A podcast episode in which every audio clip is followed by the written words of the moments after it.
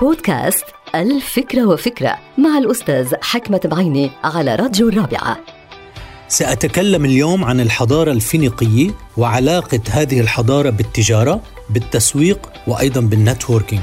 الفينيقيين اللي طبعا بنوا حضارتهم من لبنان وسوريا وانتشروا في آه، سواحل البحر الأبيض المتوسط بنوا مدن منها مدينة صور في لبنان ومنها مدينة قرطاج في تونس. هؤلاء البحارة تمكنوا من خلال أساليب ممتازة ومتطورة في ال networking والتسويق والبيع أنه يبنوا مدن من أجل زيادة عملية التجارة الفعالة. تمكنوا هؤلاء الفينيقيين أنه يعملوا network كتير كبيرة من خلال بنائهم لمدن لأنه المدن عادة تستقطب الناس من كل الأنحاء من أجل تحسين ظروف العمل. تخيلوا ونفذوا وقرروا أن بناء المدن هو طريقة فعالة لبناء ال network. لذلك اليوم بنشوف أنه الناس عم تبني virtual network عبر الفيسبوك عبر الانستغرام عبر اللينكد ان الفينيقيين من آلاف السنين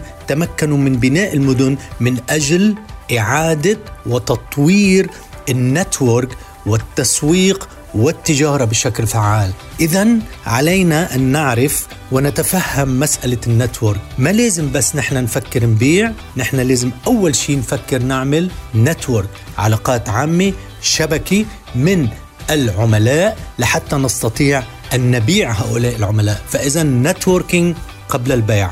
هذه هي الفكرة اليوم. هذه الحلقة مقتبسة من كتاب الفكرة وفكرة.